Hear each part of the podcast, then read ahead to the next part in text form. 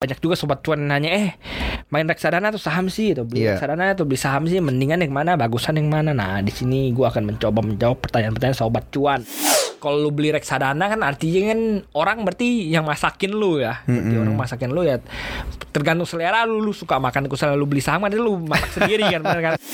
Biasanya sih reksadana saham yang bisa sampai nggak bisa dijual atau susah dijual atau Mm-mm. ambruk parah itu biasanya karena underlying asetnya gorengan Paham Pantauan Saham Makin paham makin cuan. Halo Sobat Cuan, balik lagi bareng gua Daniel Wiguna dan Gua Triputra dari tim riset CNBC Indonesia. seperti biasa kalau kita udah bergabung berarti segmennya adalah paham, pantauan saham. Semakin paham semakin Cuan. Yoi. Eh. Gua dapat cuannya lagi kali ini. Iya kan waktu itu mau gantian ya nggak jadi. Ya udah, diulang, diulang, Oke, diulang. Oke oke Lu yang duluan dong kalau gitu dong. Paham pantauan saham. Semakin paham semakin Cuan. Kayaknya emang cocokan lu yang ngomong cuan. ya udah ya udah oke ya pokoknya sama-sama cuan ya. Nah, seperti biasa kalau di segmen paham itu setiap hari Senin kita akan bahas gimana pergerakan indeks harga saham gabungan dulu ya. Ini karena kita lihat di awal pekan ini nilainya nggak jauh beda dengan pekan lalu kisarannya itu 9 hingga 10 triliun rupiah. Tadi waktu ditutup IHSG kita itu tutup di kisaran 9,3 triliun nih nilai transaksinya tapi ternyata aftermarketnya ada di angka 10,4 triliun rupiah diikuti dengan net foreign sell gitu ya di pasar reguler 39 miliar tapi mendadak ada net foreign buy nih di pasar negosiasi dan juga tunai sekitar 84,87 miliar rupiah nih dari eh, investor asing tentunya ya. Nah, walaupun demikian ya ternyata IHSG kita ini melemah di akhir sesi kedua terkoreksi gitu ya. Kita ditutup melemah 0,46%. Langsung aja kita tanya nih ke Bro Putra. Ini kenapa ya IHSG sesepi ini gitu kayak hati lu?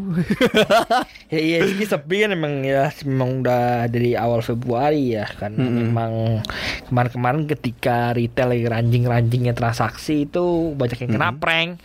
Jadi mungkin banyak yang udah gugur satu-satu juga gitu. Waduh, Jadi akhirnya kena prank tuh ibarat di PHP gitu ya. Nyangkut maksud lu? nyangkut, kena Oh. prank, rugi, cut loss, itu semuanya disebut kena prank gitu. Waduh, gitu. Jadi makanya ini imbasnya orang lagi pada males transaksi gitu ya atau apakah karena efek menanti akhir kuartal 1 2021 gitu ya, Bro ya. Makanya orang pada wait and see dulu gitu maksudnya. Ya ini salah satunya untuk hari ini sendiri pasar tuh masih wait and see. Kenapa? Karena kita bisa lihat itu satu itu tuh besok Senin eh, tanggal 1 itu bakal ada pengumuman penting P- PMI dengan inflasi Indonesia. Heeh. Itu di mana ya memang misalnya dilihat dari konsensus sendiri ya tidak bakal banyak berubah dari bulan bulan-bulan sebelumnya. Heeh. Cara ja- jangka panjangnya apa agak panjang sedikit itu jika kita lihat memang minggu-minggu ini bulan-bulan ini sepi ya Hmm. seperti tadi Bro Daniel katakan dia pasar memang masih wait and see selesai kuartal 1 kenapa karena kuartal 1 selesai bakal diumumkan tentunya penting itu apa akan ada rilis data penting rilis data di GDP Indonesia Iya. Nah ini ya bakal dilihat di- bakal dipantau banget apakah nanti di Q1 2021 ini bakal pulih gitu. Mhm. Apakah benar-benar benar bisa keluar dari resesi atau malah masih lanjut resesi lagi. Hmm. Gitu. Jadi ini benar-benar dinanti-nanti bagaimana sih nanti 2021 apakah pertumbuhannya growth-nya bisa oke Oke. tinggi atau malah harus terkontraksi lagi gitu. Jadi ya dengan ini market juga masih nunggu gitu. Tapi nunggu- nunggu tim gimana. riset CNBC Indonesia udah memproyeksikan kuartal 1 ini bakal pertumbuhannya itu negatif growth atau udah mulai keluar kita dari resesi. Ya kemungkinan besar sih akan keluar dari resesi tapi market kan perlu itu juga konfirmasi juga konfirmasi Mhm. lanjutan ya karena kita tahu kemarin-kemarin 2023 2024 eh 2000 Q3 Q4 2020 itu kan market proyeksinya nggak resesi sebelumnya kan. Mhm. Diproyeksi, sempat diproyeksi nggak resesi. Lalu akhirnya diproyeksi bisa resesi, lalu akhirnya diproyeksi resesi di ganti-ganti-ganti. Jadi ya so- sambil jalan namanya kan ini sekarang ini Q3 masih belum berakhir kan masih masih jalan eh ma- masih jalan Q1 kan sekarang kan masih Mm-mm. bulan Maret masih belum selesai. Jadi sekarang kuartal pertamanya aja belum selesai gitu. Jadi ya kalau mau ngomong prediksi lu belum selesai jadi masih sambil jalan masih lanjut gitu Iya ya, masih menanti lah iya, gitu masih ya. Nah, gitu. tapi kalau memang itu yang dinantikan, artinya kan memang banyak ya pelaku pasar dan juga big fund ini nggak main dulu gitu ya. Eh, Dalam arti eh, wait and see dulu, nggak ngambil posisi dulu gitu ya karena menantikan hal itu. Nah, tapi kalau kita lihat di pergerakan pasar kita yang sideways sideways banget ini ya, udah dari bulan Februari, ini ternyata ada net foreign sale yang gede banget di big cap nih bro 125,9 miliar tuh justru dari BCA Habis itu dilanjutin BTN 31,3 miliar Ada EMTK yang kemarin naiknya cukup tinggi ya Karena sahamnya dibeli sama grup Salim gitu 12 triliun Habis itu dilanjutin ada BJBR eh, Net foreign sale juga Ada Akra ada Astra Internasional nih masih net foreign sale melulu nih. Nah ini gimana nih lu ngelihat Bank BCA lo dilepas lagi dia? Apakah karena habis bagi dividen? Ya sebenarnya kalau untuk BCA sendiri emang harus dana asing keluarnya emang udah agak gede satu bulan sendiri udah satu setengah t keluar Hmm. gitu. Jadi ya emang jadi target jual asing dulu sementara karena satu ya kita tahu emang BCA udah terbang tinggi kemarin sempat tembus ATH gitu. Jadi ya emang kalau ngomong ini saham apa Mhm. lagi naik lalu asing take profit ya possible banget gitu karena kita tahu baru-baru ini nyentuh ATH gitu ya All time high. ATH all time Mhm. high tertinggi sepanjang masa ya market ya menyesuaikan dulu melihat ke depannya apakah ini layak ATH atau enggak ah, lalu ketika tidak layak ya ma- masuk apa melakukan aksi jual gitu Hmm gitu. Tapi yang perlu diperhatikan oleh para investor nih saham-saham mana nih di sepanjang pekan ini yang menarik menurut lo? Ya untuk saham-saham pekan ini sebenarnya yang masih menarik saham-saham siklikal ya kita tahu nanti tanggal 1 bulan depan itu tuh akan diumumkan inflasi dan PMI gitu. Nah, ketika Mhm. PMI-nya diprediksikan nantinya kan akan mem- akan membaik ya berarti aktivitas manufaktur Indonesia sudah mulai pulih. Nah, Mhm. ketika ada prediksi seperti itu ya saham-saham siklikal yang memang diuntungkan dari pemulihan ekonomi ya akan itu sukses bisa merangkak naik gitu. Hmm gitu. Apakah ini ada hubungannya dengan paham kita yang minggu lalu saham-saham komoditas gitu? Bisa jadi salah satunya saham-saham komoditas, lalu saham-saham sorry, finansial, lalu otomotif itu sik- sektor-sektor siklikal yang kemungkinan diuntungkan dengan Mhm. PMI yang oke. Hmm, tapi ini pasar nih emang bakal lesu banget nih ya se- sepanjang pekan ini ya bro Karena gue ngelihat lu juga kayak lesu banget gitu Gimana nih bro? Iya, untuk Apa karena nggak ada manuver di pasar begitu Ya, atau gimana sih sebenarnya? Lagi Biasa nggak sih HSG tuh kayak gini sepi banget? ya kemarin itu kan anjlok lumayan parah ya, lalu Jumatnya mulai pulih tapi hari ini ternyata anjlok lagi gitu. Jadi emang Iya, iya, iya. penguatannya masih belum confirm gitu. Jadi ya masih Ah. sekarang ya konsolidasi di era 6162 gitu 6000. Iya iya iya iya iya. iya. Area konsolidasi sekarang di situ gitu. Berarti ini sering kejadian ya IHSG selesu ini gitu. Gue kira kehidupan cinta gue aja yang bakal lesu kayak gini. Ternyata Jelas lu, bro, IHSG ternyata IHSG ya jadi curcol kan mirip soalnya bro. Jadi emang sering ya kayak gini ya IHSG kayak gini. Ya ketika market baru ATH lalu Ha-ha. ada koreksi, Iya. misalnya ada saham-saham baru ATH lalu ada koreksi, biasanya emang perdagangan tuh akan turun gitu. Sebelumnya Hmm. ketika ATH semua orang bakal buru itu saham kayak BCA, baru tembus ATH semua orang bakal buru. Gitu. Iya iya iya. iya. Lalu ketika dia udah mulai koreksi, koreksi ya orang-orang pa- pada apa mulai agak sepi itu. mulai Hmm, berarti sepi. mekanisme ini biasa gitu ya, biasa terjadi. Jadi nggak selamanya ya ini buat sobat cuan jadi catatan juga.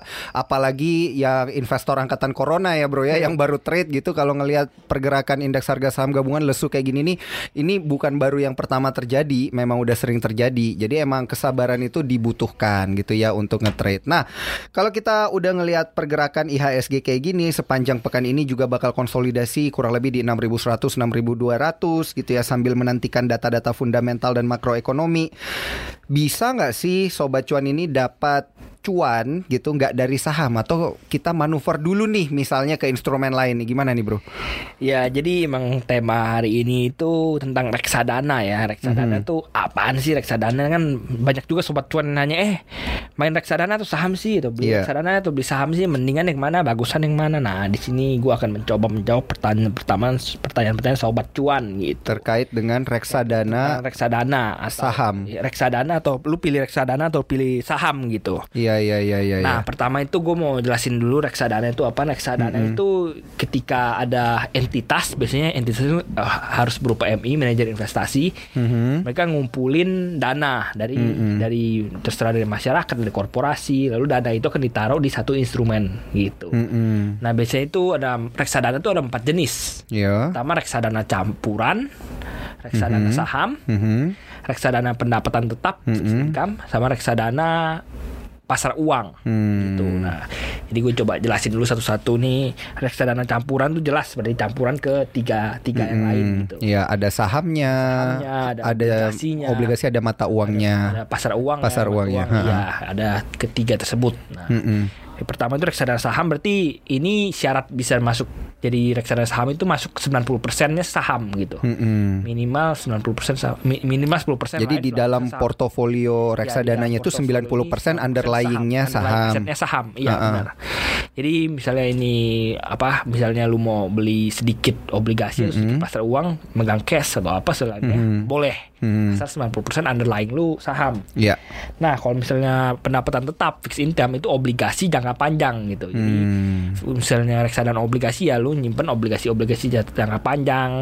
Sedangkan kalau pasar uang tuh lebih ke obligasi jan- jangka pendek gitu dan uang apa aset-aset liquid lainnya yang bisa diuangkan yang jangka jatuh temponya hanya satu tahun ke bawah seperti itu. Oke.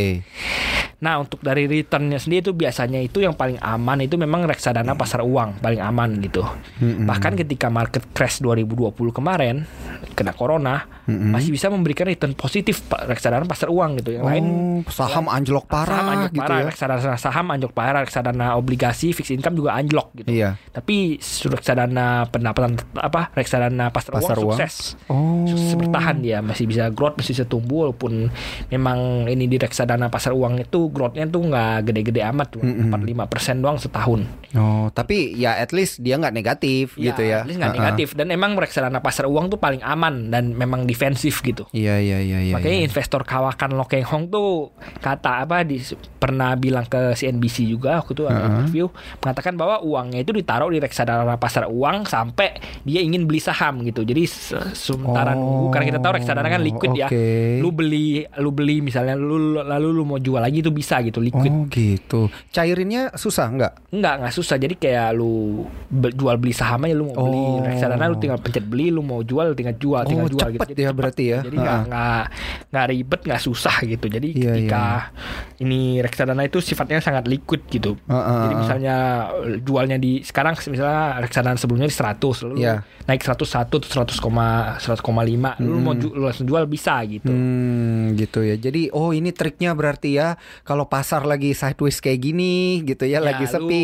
ya udah parkirin dulu duitnya Iya, di pa- di pasar uang. Misalnya lu apa, lu masih belum nggak tahu mau masuk mana. Ini kita tahu kan gue selalu bilang ketika lu mau trading cash itu juga posisi. gitu. Jadi jadi jangan buru-buru mau masuk saham gitu. Iya. Ketika nggak ada kesempatan gak usah masuk, pegang cash dulu karena cash adalah posisi. Iya iya Dan iya. cash iya. itu tuh posisi yang sangat hebat. Jadi ketika lu pegang cash lu nggak mungkin rugi gitu. Iya iya iya Jadi iya lu nggak rugi benar dulu. benar benar benar. Kalau ketika market merah kayak hari ini, artinya lu untung. Kalau lu masuk kan lu rugi kan. Iya iya iya iya benar benar benar. Itu posisi yang sangat oke gitu. Jadi ketika lu sambil nunggu ada saham apa yang lu masukin, ya lu bisa masukin dulu pasar uang gitu sambil nunggu. Hmm, gitu ya Nah, triknya. sel- selanjutnya lalu ini ya seperti tadi gue katakan ini Reksadana saham. reksadana saham itu sebenarnya yang paling menarik ya karena banyak banyak yang DM eh beli beli reksadana atau beli saham langsung sih gitu jadi ibaratnya tuh sebenarnya yang dipertanyakan tuh mau beli reksadana saham atau mau beli saham sendiri gitu Hmm. Nah ini pertanyaannya ini kalau lu beli saham sendiri lu udah tahu nggak lu beli saham apa? Hmm. Misal lu beli reksadana saham kan lu dipilihin sahamnya gitu. Jadi lu punya misal lu masuk 100 ribu ya reksa- dan satu lagi itu reksadana tuh uang uang apa?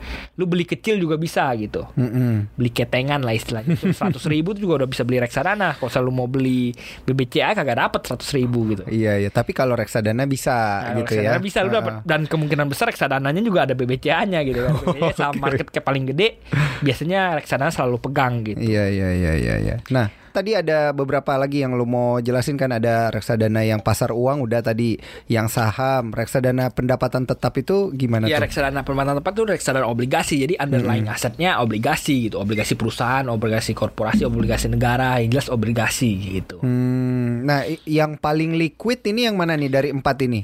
empat empatnya tuh sebenarnya semuanya liquid. Ketika lu mau jual bisa Oh, soalnya gitu, ada, sobat cuan yang bilang itu kalau mau reksadana itu ada jenis reksadana yang kalau mau dicairin nggak bisa langsung cair saat itu juga harus nunggu 2-3 hari gitu. Iya itu biasanya kayak saham ketika lu Ah. mau jual saham lu Oh, ada T plus dua, iya, iya. uang, uang lu kagak langsung datang lu harus nunggu du- dua hari tiga hari dulu gitu Mm-mm, sampai dia nah, cair biasanya ya. ketika sah reksadana biasanya sih reksadana saham yang bisa sampai nggak bisa dijual atau susah dijual atau ambruk parah itu biasanya karena underlying asetnya gorengan gitu. Oh. saham gorengan. Nah ini biasanya men- yang menjadi itu juga ya moral hazard dari MI-MI juga ya. Karena biasanya kan mereka megang uang banyak. Mereka lalu bingung uangnya taruh di mana lalu ada pihak-pihak yang tidak jelas yang bisiki oh lu taruh aja di saham ini nanti gue kasih cashback segini. Ya mereka kan nggak nggak rugi juga itu kan uangnya nasabah ya uangnya orang yang beli reksadana ya. Jadi banyak sekali kasus-kasus seperti itu terjadi di Indonesia sampai akhirnya banyak kasus namanya reksadana gorengan gitu Oh, karena underlying asetnya itu adalah saham-saham Iya, gorengan. saham-saham gorengan gitu bukan saham-saham yang big cap saham-saham yang blue chip Iya, ini kan pernah kejadian nih ya kemarin yang waktu eh, terkait juga dengan dana asabri lah dan lain sebagainya, saham gorengan dan kemudian ada reksadana yang nggak liquid harus ditutup gitu mendadak. Iya, jadi kesalnya kalau lebih aset kalau reksadana jiwasraya dan lain itu sebenarnya lebih ke reksadana dengan satu pembeli saja gitu. Jadi mereka minta MI beli bikinin reksadana tapi mereka doang yang menjadi pembelinya gitu. Bisa juga kayak gitu. Hmm. Tapi biasanya ada juga misalnya katakan sekuritas A kan mereka bikin reksadana kan mereka jual apa supaya laku mereka kan harus bikin returnnya tinggi kan Iya. secara returnnya harus tinggi jadi mereka underlyingin gorengan-gorengan saham yang mereka lantaikan gitu misalnya Oh. sekuritas A melantaikan saham ABCD misalnya Iya. kan. lalu dia punya reksadana A reksadana saham ABC gitu Iya. lalu dia menggunakan ABCD ini yang dia lantaikan Uh-uh. menjadi underlying asetnya Oke. gitu. Lalu karena ini saham-saham AB, saham ABCD ini dia yang lantaikan, maka gampang banget digoreng sama dia. Gitu. Oh. Lalu sahamnya ini digoreng naik, saham-saham yang jadi underlying aset ini digoreng naik. Nah, lalu ketika digoreng naik kan kita bisa lihat returnnya tinggi kan, Iya. 10%, 11%, Benar, benar, 12%. benar. Gampang dipasarkan akhirnya nanti lalu dipasarkan-pasarkan lalu mereka pakai lagi buat beli apa buat underlying aset apa dibeli-beli lagi reksadana-reksadana apa saham-saham yang mereka lantaikan sendiri lagi gitu. Jadi Hmm. akhirnya roll roll roll akhirnya sahamnya kan naik naik naik terus udah nggak kuat naik pingsan apa ambruk kan ambruk. karena udah nggak kuat lagi ya reksadana yang jadi reksadana juga Iya, iya, harganya benar. ambruk gitu ya Iya, karena nah. underlying asetnya gorengan Oke, jadi ini gua wrap up sedikit ya Sobat Cuan terkait dengan penjelasan Putra barusan itu berarti ada MI yang kita bisa bilang MI nakal lah ya Ya. waktu itu Dia ada bikin satu produk reksadana underlying asetnya saham gorengan Artinya risikonya tinggi banget Iya. nih Habis itu harga sahamnya ternyata dinaikin mulu gitu ya Supaya reksadananya juga kelihatan menarik Iya, gitu kan menarik kinerjanya oke kinerjanya oke. Akhirnya banyak yang beli gitu karena cuman ngelihat returnnya doang, tapi dia Iya, nggak ngelihat nggak lihat isinya isinya apaan apa, nih gitu. gitu ya. Terjebaklah mereka di sana ya beli Iya, reksadana dan yang salah. reksadana reksadana itu sebenarnya agak susah ya kalau misalnya lu lihat ini apa sebutannya tuh ada kayak bisa lu lihat isi-isi jeroan-jeroan reksadana itu biasanya cuma ditampilkan 10 terbesar Iya ya di fun fact sheetnya ya. di fun fact sheet itu hanya ditampilkan 10 terbesar gitu misalnya ya Uh-uh. biasanya 10 terbesar ditaruh blue chip semua Mhm. tapi dari ranking 11 selanjutnya baru gorengan semua jadi terkesan menutup-nutupi gitu jadi ada yang seperti itu juga Itu emang regulasinya OJK yang nggak boleh nunjukin semua sahamnya di Enggak, sebenarnya gitu. regulasinya tuh nggak ada yang bilang kayak gitu, tapi ya reksadana yang berusaha ada yang berusaha nutupin gitu kan, misalnya mereka mau tampilkan semua kan banyak banget gitu, jadi Heeh. terlalu penuh nanti fun fact sheet-nya gitu, Oh, jadi gitu. agak susah juga kalau di luar negeri itu reksadana-reksadana gituan tuh bisa lu lihat semua gitu, jadi Hmm. ada dikasih opsi buat lu download fullnya, full portofolionya apa aja gitu. Hmm, oke oke oke. Nah, ini menarik nih kalau kita ngelihat ya masalah IHSG-nya mulai lesu terus dananya dialihkan ke reksadana dan ternyata salah satu solusinya bisa aja di reksadana saham, pasar uang ataupun pendapatan tetap atau juga campuran. Nah, kalau lu lihat yang paling berisiko yang mana sih sebenarnya? Ya. Apakah reksadana saham udah pasti ya, reksadana saham yang paling pasti paling beresiko Uh-uh. gitu karena emang underlying asiknya ah, saham saham dibandingin sama obligasi sama pasar uang kan paling beresiko kan. Iya, iya, iya, iya. Resikonya paling tinggi kan. Jadi ya kalau selalu mau ngomong ini reksadana paling beresiko ya reksadana pas apa saham gitu. Tapi ya teman-teman sobat cuan kan selalu nanya ini mending beli saham sendiri atau beli reksadana. Iya. Kalau dari gue sih sebenarnya tergantung orangnya gitu. Kalau lu nggak mau ribet ya udah lu beli beli aja reksadana gitu. Misalnya lu males buat due diligence, lihat laporan keuangan, baca-baca Uh-uh. teknikal ya udah lu beliin reksadana aja. Tapi lu harus beli reksadana yang benar-benar oke jangan beli reksadana gorengan. Lu cek dulu ini track recordnya dari dulu gimana, MI-nya siapa, lalu Mm-mm. ini kustodiannya siapa juga lu cek apa segalanya udah cek bisa oke ya nggak apa-apa gitu biasanya sih reksadana reksadana asing ya yang cenderung lebih oke dibanding dengan reksadana reksadana yang lokal lokal itu Miris ya, Bro ya. ya sekuritas sekuritas dalam negeri Iya, iya, sekuritas iya, yang bisa iya. nggak jelek yang agak nggak jelas itu punya MI MI-nya bikin reksadana gorengan gitu gitu Hmm, nah, ini mirisnya di sana ya. ya jadi kalau Pada akhirnya kita harus mengacu juga ke MI-MI atau reksadana-reksadana yang ternyata dibikin sama investor asing Iya, juga iya, gitu ya. Udah jelas banget kualitasnya oke gitu dan Mm-mm. ya satu lagi kalau lu beli reksadana kan artinya kan orang berarti yang masakin lu ya. Berarti Mm-mm. orang masakin lu ya tergantung selera lu lu suka makan misalnya lu beli saham kan lu masak sendiri kan bener kan lu Iya, iya, porto lu lu susun sendiri gitu. Ini kalau beli reksadana saham nih kalau beli yang banyak yang dibuat oleh MI asing itu berarti kayak kita makan makanan luar Iya, gitu ya. Makan makanan yang enak gitu. Kalau makanan Padang berarti sekuritasnya yang domestik gitu ya kurang lebih kayak gitu. Ya tapi bener juga sih tergantung selera karena nggak semua eh, sekuritas itu ternyata bikin produk reksadana yang nggak bagus gitu Iya, kan.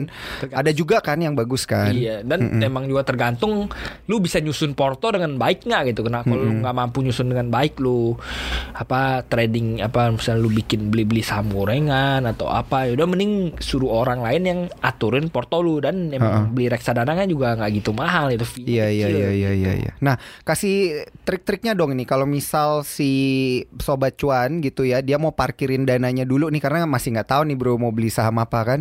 Gue pengen parkirin di eh, reksadana saham gitu. Nah triknya apa nih? Selain tadi ngelihat MI-nya kan? Kalau dari reksadana saham itu lu mau parkir kalau dari saran gue sebenarnya lebih baik lu parkir di reksadana saham indeks namanya. Reksadana saham indeks. Jadi reksadana saham indeks itu reksadana yang underlying asetnya tuh indeks. Misalnya indeksnya apa? IHSG lah, Uh-uh.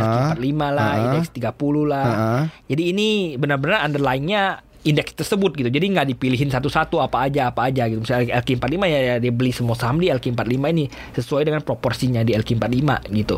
Jadi Oke. kalau LQ45 naik 1%, reksadana indeks lu naik 1%. Hmm. Gitu.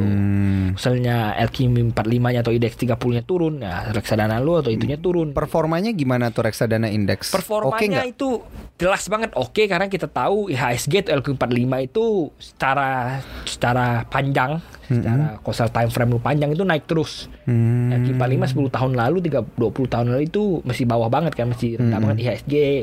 Dulu malah cuma 300, 400, 500 gitu kan. Hmm, Sekarang udah sampai 6000 gitu. Jadi ya ketika lu parkir di reksadana indeks sih sebenarnya cenderung aman gitu. Oh. Walaupun ketika misalnya ada pandemi lalu IHSG atau LQ45 anjlok 30% ya reksadana indeks lu anjlok parah juga gitu. Harganya mahal nggak sih tuh kalau mau beli bro? Harganya murah itu lu beli Oh, murah. 100 ribu juga bisa. Dapat berapa banyak tuh unitnya tuh? ya sebenarnya kalau selalu beli reksadana tuh nggak nggak kayak lu beli saham bisa dari unit-unitnya gitu. Misalnya lu mau beli ya lu beli 100 ribu ya lu bisa dapat 100 ribu gitu. Oh, posisi lah Iya, ya. iya. eh, Jadi- kepemilikan berapa? Ya, tapi misalnya ah, lu mau ngomong reksadana yang dapat diperdagangkan ETF juga ada gitu di, di pasar modal kita.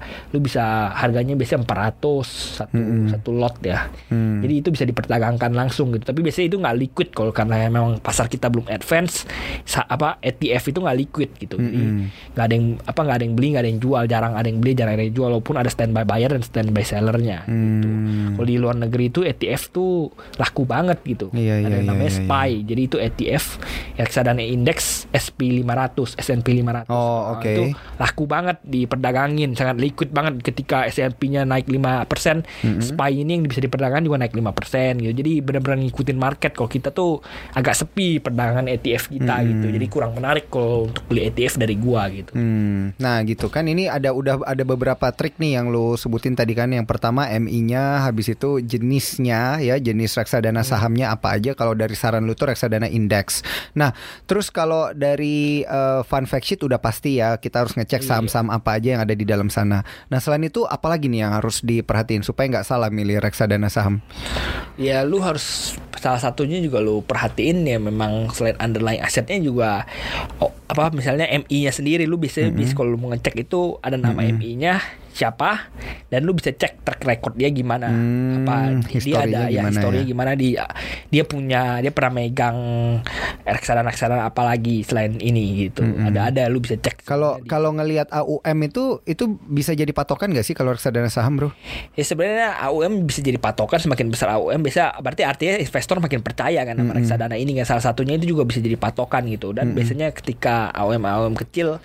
Reksadana punya AUM kecil nih ini investor sudah mulai kehilangan kepercayaan gitu ada ada Hilang juga kepercayaan ya. ada juga potensi bahwa ini apa dia mainnya reksadana gorengan akhirnya AUM anjlok terus gara-gara gorengannya anjlok gitu bisa jadi seperti itu Oh gitu. Oke itu tadi seputar uh, reksadana saham. Nah tapi kalau reksadana saham ini katanya ada yang isinya saham luar negeri tuh bisa pakai dolar juga itu bener gak sih?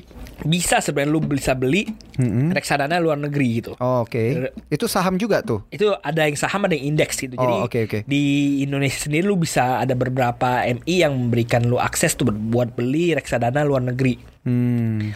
berupa indeks misalnya lu beli reksadana S&P 500 itu ada juga yang menawarkan itu ada juga yang menawarin saham-saham big cap atau small capnya dan mereka yang menjadi MI-nya mereka yang milih-milihin ya kira-kira saham apa gitu. Bisa juga jadi salah satu akses lu bisa beli saham luar negeri di bursa kita itu ya lewat reksadana gitu karena kita tahu OJK itu kadang agak mempersulit ya kalau beliin saham ketengan langsung itu dipersulit sama OJK gitu. Supaya nggak capital outflow Iya, gitu ya. outflow gitu. Jadi kita dananya di Indonesia Indonesia aja. Nah, oke, itu tadi terkait dengan eh, reksadana persahaman ya.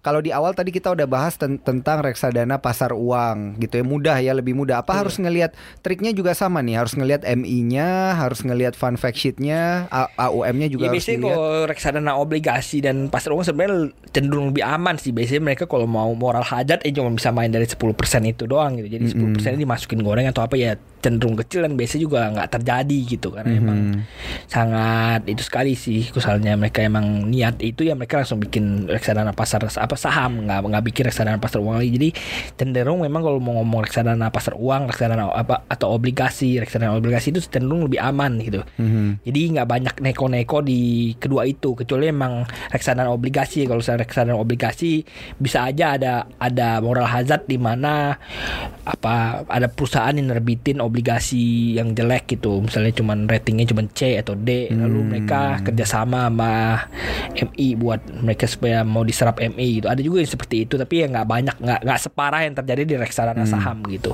Oke, nah itu kan tadi terkait dengan jenis-jenis reksadananya. Nah, kalau cara membelinya, apakah cukup dengan pakai aplikasi-aplikasi yang udah beredar di pasaran gitu, atau mungkin eh, ada trik khusus nih terka- terkait dengan gimana nih kita Ya, membeli? sebenarnya kalau lu udah punya reksadana. account sekuritas gitu misalnya lu ada di Mandiri Sekuritas atau Mirai Asis Sekuritas biasanya itu ada ada opsinya juga buat beli reksadana gitu. Jadi Oh, dari situ oke. sendiri lu bisa langsung beli reksadana atau lu call dealer lu lu mau bilang mau beli reksadana pasti langsung di itu langsung di dibantu gitu. Jadi mudah banget ketika lu udah jadi investa in- sudah jadi investor di pasar saham, mudah banget buat beralih ke pasar apa buat beralih ke reksadana dan bahkan aplikasi-aplikasi kayak Gojek, OVO, Tokopedia itu sekarang udah nawarin reksadana juga kalau nggak salah. Jadi Hmm. mereka ada kerjasama dengan sekuritas atau apa, mereka juga jual reksadana gitu. Oh, jadi udah sangat mudah ya, maksudnya kayak nggak perlu cara-cara susah harus ke mana-kemana online juga sekarang udah bisa beli reksadana gitu ya. Dan ini mungkin bisa jadi tips and trick buat para sobat cuan ini yang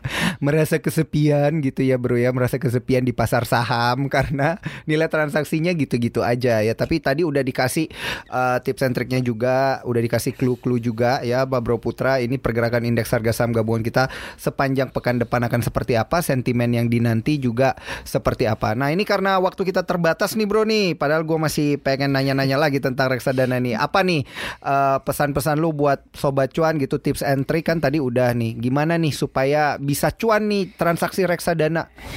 Kalau ngomong reksadana itu ngomong kesabaran pastinya. Mm-mm, mm-mm. Karena apalagi kalau gua tadi gua ngomongnya reksadana indeks ya pasti ngomong kesabaran. Mm-mm. Jadi gini gampangnya ya. Ketika lu ngomong harian, misalnya IHSG ngomong harian, win rate lu harian paling cuma 52 53 persen. Mhm. Artinya misalnya lu Hebat banget itu bro 52 Enggak maksud gua 52 53 tuh ha- misalnya IHSG hijau. Ha-ha. Berarti kan dia tambah plus satu yang hijau kan. Misalnya Oke. merah berarti dia apa minus satu gitu. Jadi nggak nggak ngomong nambahnya atau ngurangnya tapi kemungkinan besar misalnya hari ini kemungkinan besar di atas 50% IHSG hijau gitu. Misalnya lu satu hari. Kalau satu 50-50 minggu, chance ya. 50-50 chance lu bisa hijau atau merah. gitu. Ha-ha, ha-ha. Dalam jangka waktu panjang yang ngomong ya. Iya Kalau satu minggu mungkin bisa 55%. Mm-mm. Tapi misalnya lu ngomong sampai satu tahun itu bisa sampai 70-80% kemungkinan besar hijau. Oh gitu. Kalau sampai lima tahun bisa 95%. Ha-ha. Kalau ngomong 20 tahun 100% hijau gitu. Oke Jadi kalau lu mau lihat ya IHSG di 10 tahun atau 20 tahun dibandingin hari ini dengan 20 tahun lalu itu pasti hijau gitu. Mhm. Apalagi kalau misalnya di bursa luar yang track record udah panjang ya, bursa sahamnya udah panjang. Kalau kita kan sejarahnya belum panjang. Itu 10 tahun aja atau 20 tahun tuh 99% hijau gitu. Mhm. Jadi nggak pernah selama kurun waktu 10 tahun itu pasar saham indeks mereka hancur apa Mhm. turun terkoreksi gitu. Selalu hijau dalam jangka waktu 10 tahun 5 tahun. Jadi ketika lu ngomong ini mau cuan dari reksadana saham ya ngomong kesabaran gitu. Terutama kalau ngomong reksadana indeks lu apa bisa puas nggak misalnya IHSG bulan tahun ini naik 5%, 6%, 7% lu puas nggak dengan return segitu kalau lu puas karena uang lu banyak ya misalnya itu return 7% udah puas. Ya udah lu taruh aja di reksadana indeks karena itu dalam jangka panjang pasti untung gitu. Hmm, Dan bahkan oke, Warren oke, Buffett oke, pernah oke. bilang lu daripada beli apa ikut-ikut MI MI ini itu mending lu beli reksadana indeks aja, reksadana indeks S&P 500 kita dia paling bagus. Iya iya iya Dan dia iya. pernah taruhan bahwa MI-MI ini eh, apa bakal kalah sama ETF apa ETF ini gitu, ETF Hmm. S&P 500 ini karena ya if you can beat the market join the market. Iya iya iya iya. Jadi kalau nggak bisa nyupir disupirin Iya. gitu ya. Bisa aja seperti itu ya sobat cuan. Jadi bisa jadi sat- salah satu solusi buat sobat cuan reksadana itu bukan nggak keren ya, cumannya memang ada trik-trik khusus saja dan ada momentum-momentum khusus ya. Iya. Dan fungsi-fungsi khusus untuk bisa dikoleksi gitu ya. Nah, satu lagi nih, satu lagi nih. Pesan lu nih buat mereka yang nyangkut di reksadana saham gimana, Bro? Kalau nyangkut ya lu harus cek lagi fun fact sheet lu itu reksadana apaan. Ketika reksadana gorengan ya udah lu cut loss aja cari reksadana yang bener. Tapi kalau reksadana lu itu underlying asetnya blue chip atau reksadana indeks yang memang udah terkenal oke, udah lu nggak usah takut. Malah lu average down aja tambah beli lagi gitu. Mm-mm. Karena ya- Dollar cost averaging aja Iya, ya tekniknya karena, ya. Karena kita tahu kalau seperti tadi gue ngomong ketika lu beli reksadana indeks jangka panjang lu pasti untung gitu. Mm-mm. Oh gitu, ngecek lagi tapi tidak semua reksadana saham bisa di average down ya. Harus ngecek dulu di dalamnya itu ada saham-saham apa gitu kan ya. Agak mirip-mirip sama saham ya berarti ya. Ya sebenarnya kalau ngomongin average down reksadana saham sebenarnya lu kosalnya turun ya lu bisa beli lagi itu misalnya lu sebelumnya ada reksadana seratus ribu misalnya turun jadi sembilan puluh sembilan ribu sembilan puluh delapan ribu sembilan puluh sembilan ribu lu tambah beli lagi aja gitu Hmm. Oke, saran lu nih terakhir nih, terakhir banget nih bro nih. Terakhir Ini- mulu ini. lu, bro. Gua tiba-tiba keinget nih, ada teman gua itu yang beli reksadana Terus reksadananya tutup bro. Gulung tikar. Ini saran lu gimana nih? Direlakan atau Ya, gimana enggak, nih? biasanya kalau ketika reksadananya gulung tikar tutup itu underlying asetnya dijual dan dibagi secara merata ke orangnya. Jadi udah di auto cut loss namanya biasanya. Oke jadi akan ya merugi secara Ya, otomatis merugi, gitu otomatis ya. merugi lu nggak bisa apa-apa lagi udah. Ya udah, berarti harus di bisa diterima, dipasrahkan karena tentunya keputusan investasi kan bukan di tangan kita ya. Ini kan balik lagi ke tangan para Iya, sobat cuan tangan para bener sobat kan ya. Makanya harus eh, belajar lebih rajin juga supaya bisa ngerti gitu eh, mekanisme pasar seperti apa dan tentunya jangan lupa ya buat dengerin podcast-podcastnya cuap-cuap cuan karena kita pasti akan kasih edukasi-edukasi kayak gini lebih banyak lagi sobat cuan ya. Oke, waktunya udah habis. Thank you Bro Putra tim riset CNBC Indonesia dan gue juga Daniel Wiguna. Thank you. Jangan lupa dengerin podcast kita tiap hari Senin ya khusus untuk paham dan podcast lainnya jangan lupa juga ya didengerin ya eh, di podcast di Spotify kita cuap-cuap cuan eh, ada di Apple Podcast juga dan juga ada di Google Podcast. Jangan lupa follow Instagram kita di cuap underscore cuan ya. Paham, semakin paham semakin cuan Oke, gue Daniel Wiguna dan gue tim putra tim riset INBC Indonesia undur diri dulu kita pamit undur diri Bye-bye. dulu guys. Bye.